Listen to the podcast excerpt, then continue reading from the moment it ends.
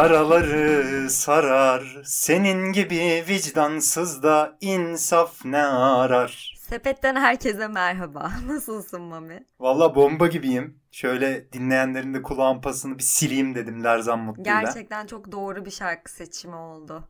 Özellikle Kıraç'ın bugünkü milli takım marşından sonra herkese iyi gelecektir diye düşünüyorum. Ya Kıraç Bey Allah aşkına savaşta mıyız ya? O, o şarkı nedir öyle? Savaşta mıyız? Kıraç.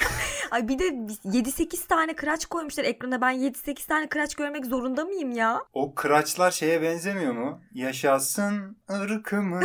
ya gerçekten. Kırkım. O kurttur ya oradaki kıraç. Kurttur. Kıraç Bey kendinize gelin sizi kurt yerine koymuşlar. Saçları falan da benziyor. Sekizli kurt. Ay gerçekten ya şaka. Sürü, kurt sürüsü.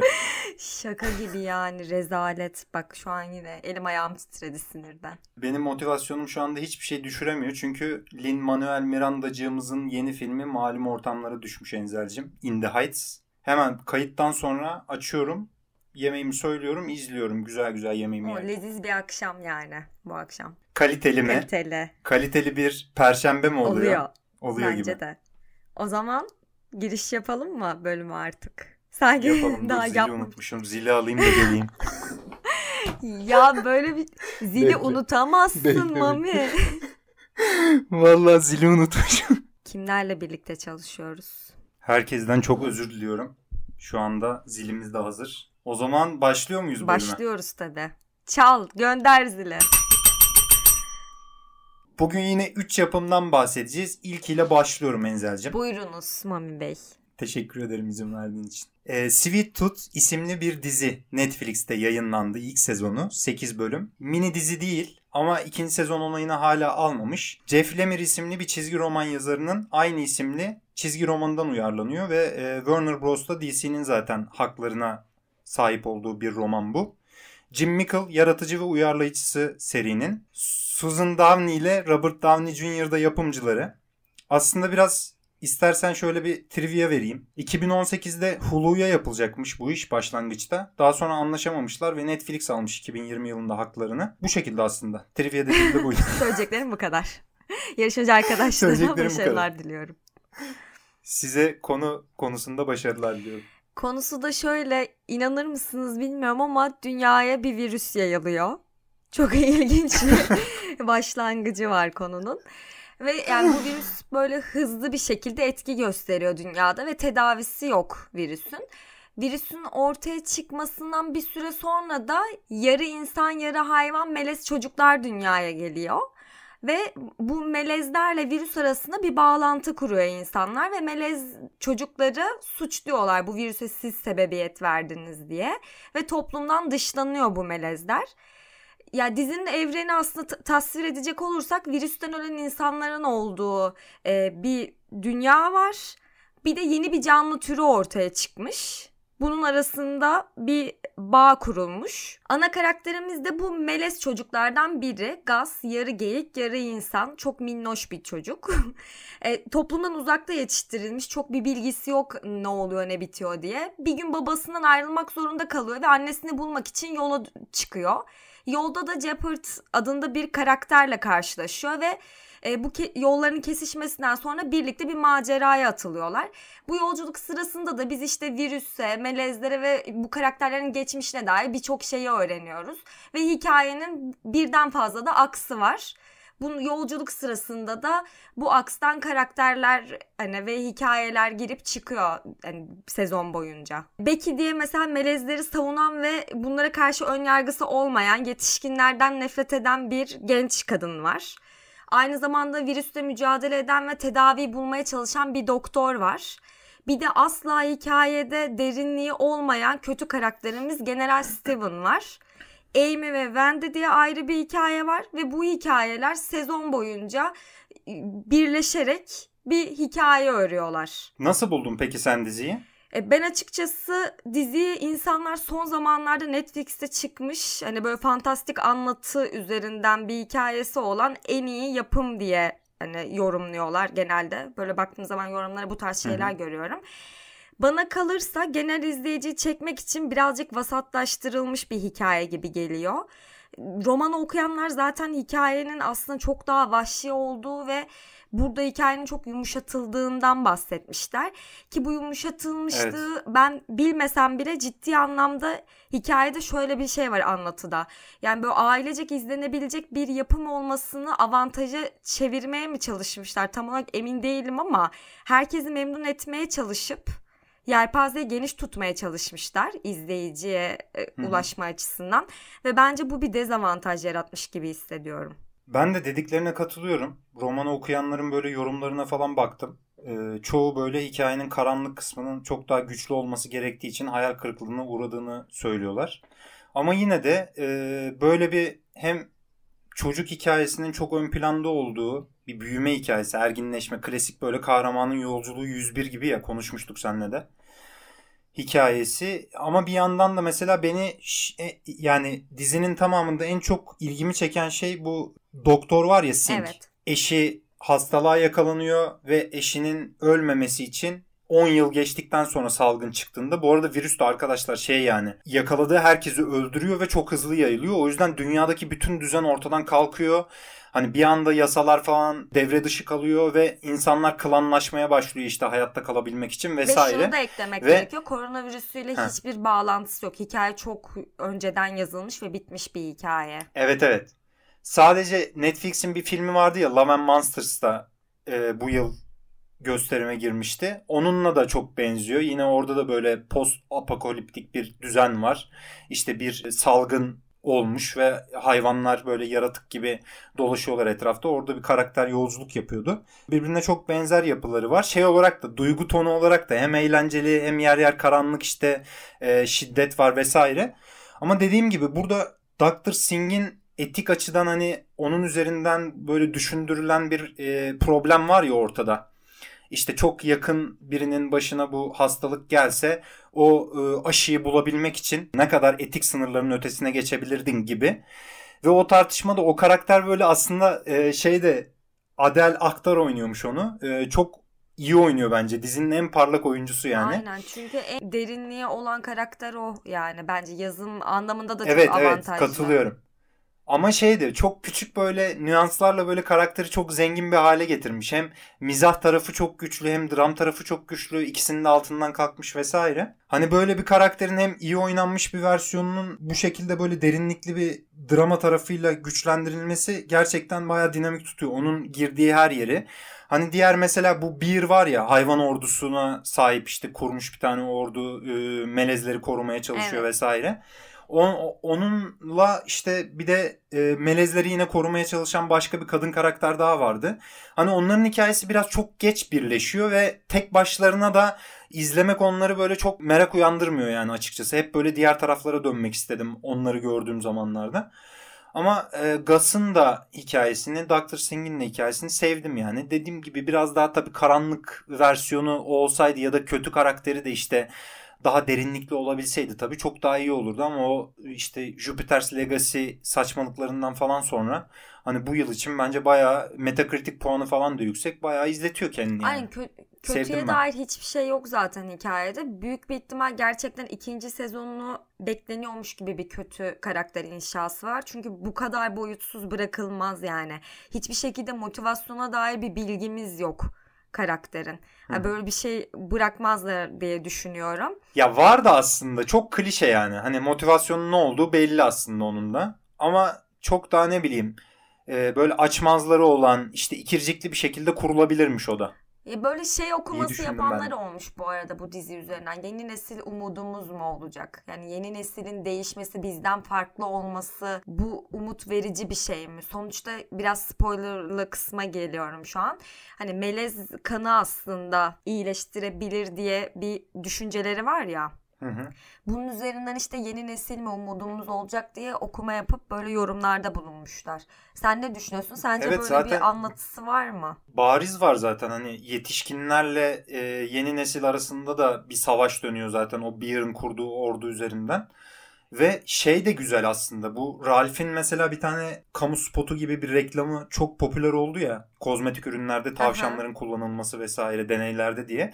Aslında dizi öyle bir atmosfer kuruyor. Hayvanlarla insanlar birbirleriyle melezleştiğinde öyle çocuklar doğmaya başladığında bizim o etik tartışmayı Ralph'te konuşan bir tavşan olduğu için o çok tartışılmıştı ya. Hani buna hepiniz işte e, Ralph konuştuğunda okey diyorsunuz ama yediğiniz etler ne oluyor vesaire diye hani veganların ve vejeteryanların da bir tartışma açmışlardı ya. Dizi o açıdan çok başarılı bence. Hayvanlarla insanları birleştirerek onları konuşabilen bir çocuk halinde sunduğu için aslında hayvanlarla ya da hayvanların insanlar için deneylerde nerelerde kullanıldığı burada da bir aşı üzerinden aynı mekanizma kuruluyor ya aslında. Aynen pek bir fark Hani bunu yok. çok Evet ilgi çekici buldum yani. Bir de şeyi çok ilgi çekici buldum. Bu post apokaliptik hani dizilerde genelde biz çok karanlık işte yıkılmış, göçmüş, hiçbir umudun olmadığı dünyalara e, girip çıkarız ya böyle öyle evrenler kurulur genelde. Burada mesela aslında insanların yok olması bir anda doğanın e, daha kolay yenilenmesine kolaylık sağlamış yani ve biz Yeni Zelanda'da çekilmiş zaten dizi. Çok böyle işte ormanların geniş böyle arazilerin, ovaların hakim olduğu bir sinematografide geziniyoruz aslında yolculuk boyunca. O da çok hoşuma gitti mesela. Şeyde de İstanbul'da yüzen yunuslar falan geyikleri olmuştu ya koronada herkes eve girdiğinde. Hani onunla falan özdeşleştirdim böyle. Böyle virüsün geldiğini haber darı olan çiçekler bile muhteşemler ya böyle. Hani o açıdan bir zıtlık kurulması falan da çok hoşuma gitti dediğim gibi bunlar güzel ama hikayede işte işlemeyen ya da çok klişeler üzerine kurulmuş. İlk akla gelen böyle şekilde çizilmiş ya da e, çok geç birbirine bağlanan hikayeler var. Onlar çok hoşuma gitmedi. E, ama bayağı sürükleyici bence yani. Ya bence bir yorumda bulunacağım. Bütçesi çok olmayanlar yeşil perde işi yapmasın. Ben de buna karşıyım. ya çünkü bazı yerlerde o kadar böyle yapay bir görüntü vardı ki. E, yapamıyorsan yapma yani gerçekten. Çünkü onu kötü yapınca çok daha e, izleyicide etkisi korkunç oluyor. Yani hiç görmesek bize biri anlatsa hani. Mesela kaplan sahnesi vardı ya bir tane saldırması için. Ya o, o kadar korkunç ki görüntü. Bu arada şeyler de melezlerin makyajları falan da çok kaliteli değil aslında. Aynen korkun. Yapamıyorsan da anlatmaya çalış. Biz seni dışlamayız öyle kabul ederiz ama sen yapamadığın bir şey yapmaya çalışınca olmuyor yani yemiyor. Bu arada ben bunun Türkçe dublajına da baktım. Biliyorsun Netflix'te yani Türkçe dublajda bir sürü farklılık oluyor ya. Alt yazı ayrı bir şey söylüyor. Türkçe dublaj ayrı bir şey söylüyor falan. Burada da çocuk babasına buba diyor. Buba, ya, Buba ne yapıyor Buba? Yani bayağı böyle komik yani Türkçe izleyince. Bubam nerede? Evet. bayağı güldüm ben ona. Eğlendim yani kendi çapımda. Öyle bakmayanlar Türkçe dublajı lütfen açıp Anadolu, bakabilir mi? Buba buba. İç Anadolu'lu bir çocuk hani seslendirmiş. evet çok komikti. Yani üzerine daha fazla söylenecek bir şey yok bence dizinin. Fena değil. İzlenir ama ya. Ortalama üstü yani. Hani Ya işte ben öneririm. bence vasat bir iş. Ortalama bir iş yani. Yani sen zaten beğendiğin bir iş şurada görsek hani gerçekten ne yapacağım bilmiyorum. Hediye göndereceğim direkt. Bak buradan sözünü veriyorum. Ya Ya buna 5 yıldız böyle gözlerin parlamış hani o şekilde geldiğin bir iş olursa direkt hediye ya göndereceğim. ne Six istiyorsan. Thunder gibi bir dizi çektiler de biz mi beğenmedik Mami? Şimdi sen de laf söylüyorsun Geçti canım da. o devirler. Ama ne yapalım yani bu o gözler devirler... neler gördü şimdi bunlara ben eyvallah iyiymiş ya falan diye. Ya bak ben şuna çok karşıyım. Ee, gelen yorumlarda da onu gördüm diziye. İşte Netflix'in şu dönemde yaptığı en iyi bu tarzda iş. Ya diğerleri kötü. Bu bir tık onun iyisi. Bunu çok iyi yapmıyor yani. O kadar da değil ya. Bilmiyorum ya. Ben bu o kadar... kadar da gömme bence. çok yükselinecek bir işti yani. Ortalama bir iş. Peki. Deyip... Yıldızını alalım. Yani iki buçuk üç arası bir şey veririm herhalde versem. Ben temizinden helalinden üçümü veriyorum ve geçiyorum o halde. Buyurunuz zil gelsin. Geçiyoruz. Geçtiğimiz hafta Mubi'de yayınlanan Exil isimli bir filme. 2020'de Sundance seçkisinde gösterilmişti bu film. Visor Morina yönetmeni, Kosovalı bir yönetmen. Ee, başrollerinde de Misel Maticevic ile Sandra Hüller var. Sandra Hüller'i de Tony Erdmann'daki müthiş performansından hatırlıyoruz. Bu arada filmin yapımcıları arasında Tony Erdmann'ın yönetmeni de var Maranade diyeyim ve konusunu anlatmak üzere sana bırakayım. Ya büyük bir firmada mühendislik yapan Cafer diye Kosovalı bir karakter var. Almanya'ya yerleşmiş, göçmen bu. Burada da kendine bir hayat kurmuş. Üç çocuğu var, Alman biriyle evli. Şirketinde yaşadığı bazı olaylar böyle onu paranoyak bir şekilde böyle iş arkadaşları tarafından dışlanıyormuş fikrine inandırıyor iyice kendini ve her şeyi buna yoruyor. Aynı şekilde bu durum aile ve sosyal yaşantısını da etkiliyor. Ya böyle erkek olma, erkeklik üzerinden bir aksı da var hikayenin. Ya bu dünya kendi etrafında dönüyor zanneden bir erkeğin aslında egosu üzerinden kafasında kurduğu hikayeleri izliyoruz tamamen onun gözünden. Gerçekten öyle. Hani Cafer'in böyle kendine biçtiği rol bence biraz aşağılık kompleksinden geliyor yani. Hayatın her alanında da sirayet evet. ediyor bu aşağılık komplekse çift taraflı aslında. Hem kibir hem de aşağılık kompleksi gibi. Gözünden değil de ensesinden izliyoruz daha çok. terli Doğru terli söyledin. ensesinden. Vallahi bir elime bir ıslak mendil alıp şöyle bir ensesini temizlesim geldi bütün film boyunca. Cafer kurban olayım bir duş al diye. Ya bir de vergi dairesinde mi çalışıyorsunuz beyefendi? O nasıl bir büyük firma ya şirket? Vallahi yani İstanbul Vergi Dairesi gibi bir yer orası. Bırakın o işi bence Niye beyefendi. Be? E çok kötü ya binanın içinde duvarlar dip dibe odalar falan böyle. Hmm. Evet çok sıkışık ne böyle. öyle? Bürokratik işlerin döndüğü bir yer gibi. Ben sevmedim orayı. Gerçekten çok iyi çekilmiş ve çok iyi kurgulanmış. Ses editi de kendi kurgusu evet, da zaten hani başlangıçta böyle sürekli kullanılan müzik de böyle çok etkili bir şekilde bir ritim katıyor. Benim şey çok hoşuma gitti Enzel tabii ki. Ya bu tip böyle göçmen hikayelerine, yabancı düşmanlığına ya da ırkçılığa böyle derinlikli bir soluk, bir bakış getiren hikayeler olduğu zaman gerçekten hayranlıkla izliyorum yani. Özellikle şeyi izliyorum, bakışı izliyorum. Hani burada işte biz bir Kosovalı erkeğin işte Almanya'da iş hayatında nasıl ne bileyim iş arkadaşları tarafından ırkçılığa uğruyor mu uğramıyor mu film başta da bize bunu vermiyor. Bu arada spoilerlı hani konuşacağım şimdi biraz derinleşebilmesi için. Ama sonrasında böyle hikaye aslında bu göçmenlik meselesinin de işte hem erkeğin konumundan hem de e, sınıfsal konumlardan bağımsız düşünülemeyeceğine dair bir yere evriliyor ya. Kosovalı başka bir temizlik işçisi var aynı firmada ve onunla Cafer'in kurduğu ilişki üzerinden aslında bambaşka bir boyut açılıyor hikayenin ortasında. Ve Cafer'in ev içinde de eşiyle olan ilişkisinde işte çocukların bakımında ya da evdeki bulunuşunda da aslında biz o erkeklik üstünlüğünün tırnak içinde nasıl Cafer tarafından e, kullanıldığını ya da işte nasıl denilebilir suistimal edildiğini bu durumun vesaire ve buna da hep bahane olarak işte kendi e, yabancılığını ya da göçmenliğini böyle ön plana sürmesi üzerinden falan da e, eşiyle de tartışması falan farklıydı ve üzerine böyle insanın e, düşünmesine de sebep oluyor. Ya ben şeyi hissettim izlerken. birazcık izlerken. Ya bazen böyle kolaya kaçmak gibi oluyor ya bu farklılıkların arkasına sığınmak. Hani ben farklıyım diye siz bana böyle yapıyorsunuz gibi. Bu hikayede bunu görmek ve bunu gerçekten böyle eleştirdiği bir noktası da var ya. Benim o hoşuma gitti ama çoğu izleyiciyi de mesela şey rahatsız etmiş böyle yorumlara baktım da hani sonuçta anlattığı filmin bir derdi de var. E, bu konuyu şey yani ötekileştirme bir insanın paranoyasına dönüştürme kısmı var ya. Bunu gösterdiğin an bazıları işte bu konunun o dertten çıktığını hani e, farklı öteki olmayı hani insanların kendi içinde kurduğu bir şey mi sanıyorsunuz gibi yorumlarla gelmişler. Ben yönetmenin böyle bir derdi olduğunu düşünmüyorum. Ama yok kendisi de zaten aynı süreci yaşamış biri yani. Ya yaşasın ya da yaşamasın hani. Olay o değil ama insanların demek istediği şeyi de anlıyorum hani. Bu... Anlıyorum. Ben de filmin belli bir kısmına kadar aynı şeyden çok rahatsız oldum. Hani nereye varacağını çok merak ettim yani hikayenin.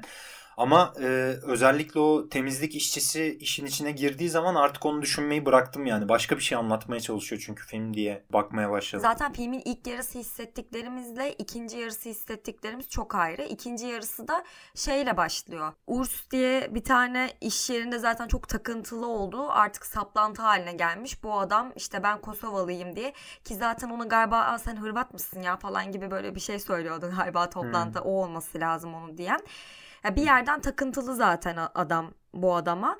Ee, onun ölümüyle birlikte işte Urs'un karısının yaptığı konuşmayla biz aslında olayı anlamaya başlıyoruz. Yani adamın aslında e, kendisinin de sevilmediğini hani sadece Kosovalı olmasıyla konunun alakası olmadığı Hani neden öyle de... Hiç alakası yok neredeyse. Evet olmadığını anladığım zaman filmin ikinci yarısı geliyor. Yani öncesinde de tabii ki ayak sesleri var da konunun değişeceğine dair. Ama buradan sonra artık hissettiklerimiz hani bizim de artık paranoya demeyeyim de bir bulanıklaşmaya başlıyor. Bunu bence film çok güzel sağlamış. Sadece ben Cafer'le karısı arasındaki ilişkinin çözülemeyen yanlarına biraz takıldım bilmiyorum bende oturmadı yani o çiftin e, yaşantısı. Oturmayan bir tarafı yok benim için. Ben filmin bütün olarak yani hem senaryosunu hem de kendisini çok beğendim zaten. Ne oturmadı senin için?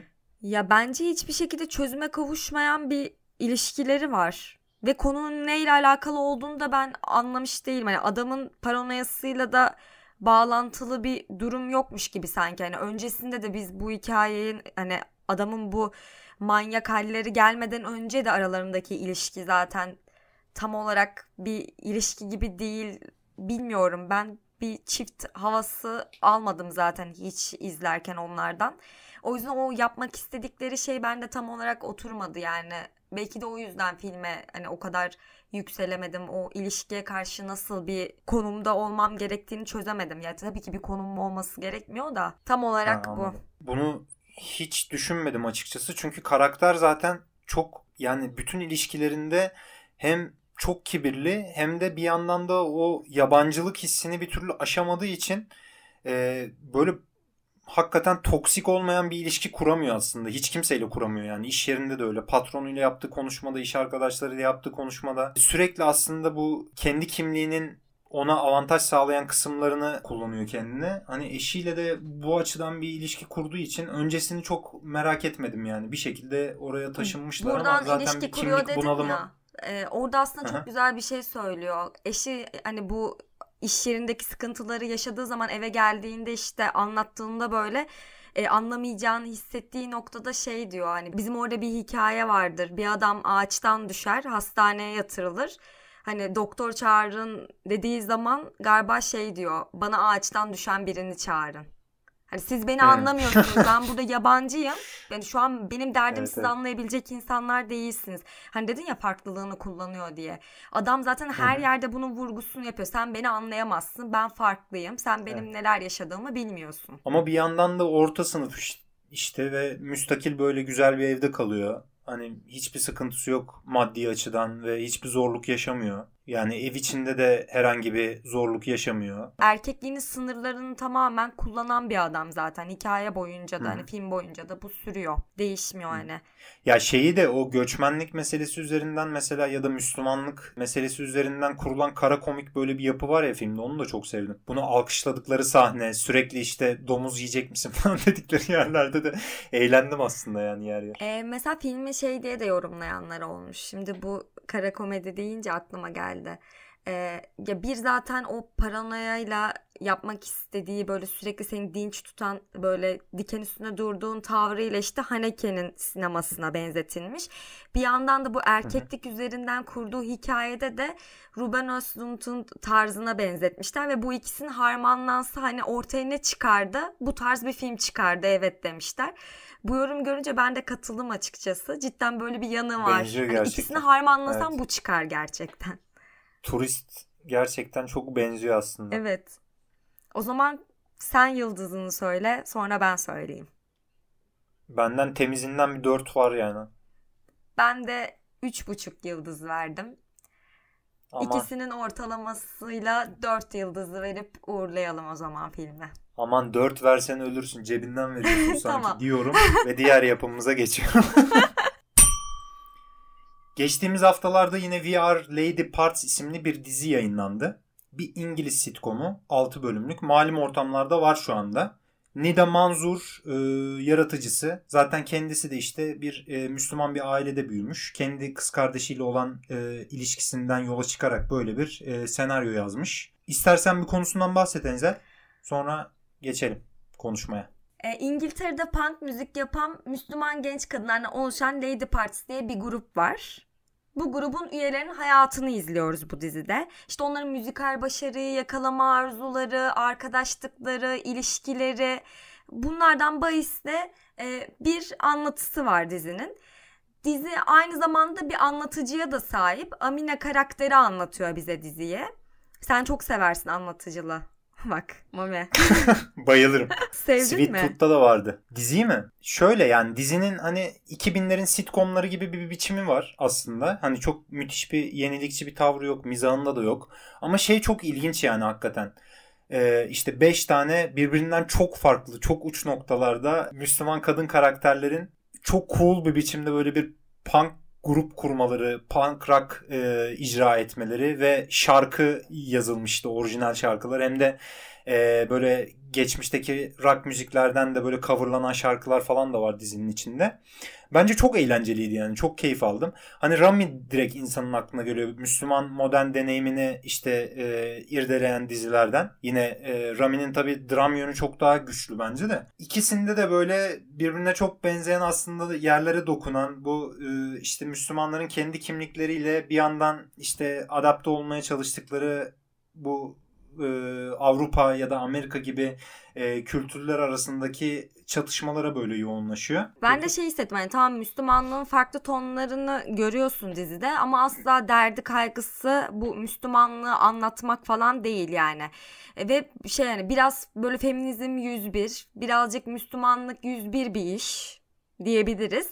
Ama bunu gayet keyifli bir şekilde e, sana izlettiği için e, çok böyle rahatsız olmuyorsun hikayeden. Ve ben şeyi sevdim yani kadınlığı böyle Müslümanlığın baskısı altına alarak böyle ezmeye çalışan bir anlatısı asla yok. Evet Bunu ya o mükemmel yapmaması zaten. çok iyi. Temsil Hani ırk temsil edilen karakterlerin hepsi inanılmaz değil mi? Bir tane mesela Biraz şey var. Elektronik sigara içen çarşaflı bir menajer var falan böyle. Çok enteresan e, karakterler vardı yani. aslında hepsi çok karikatürize edilmiş karakterler. Evet, Bence evet. o yüzden işte Rami'deki derinlik burada yok. Çünkü hepsi hani aslında çok karikatürize olduğu için.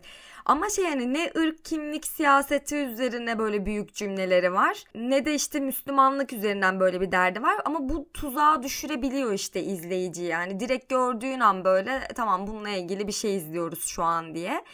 Bence hatta dizide ezberi bozan bir aile yapısı da var. Yani öyle bildiğimiz ezbere Evet, bir aile yapısı yok. enteresan. Amina'nın mesela işte bu anlatıcının ailesi mesela gayet hani açık fikirliler. Hani Amina kendi tercih ederek öyle yaşıyor. O da mesela şeyi doğuruyor ya aslında ya bizim için de aynı şey geçerli bence. Böyle dışa dönük bir insan haline gelmek, içindeki her şeyi böyle e, ona göre yaşamak, kendi kalbinin yolunu izlemek falan filan. Bunlar aslında o kadar kolay şeyler değil ya. İşte bir kültürün ne bileyim ailenin dışında da e, yaşadığın coğrafyanın ya da işte geçmişinin falan çok büyük etkileri oluyor. Mesela o e, Rami'de tam tersi bir yerden kuruluyordu bu. E, burada da bambaşka bir şekilde kurulmuş. O ailenin kendi e, yapısı da çok ilginç hakikaten. Çok hoşuma gitti o yapı. Aynen bir renk katıyor anlatıya böyle. Benim de hoşuma gitti. Ben şeyden de çok hoşlandım bu arada.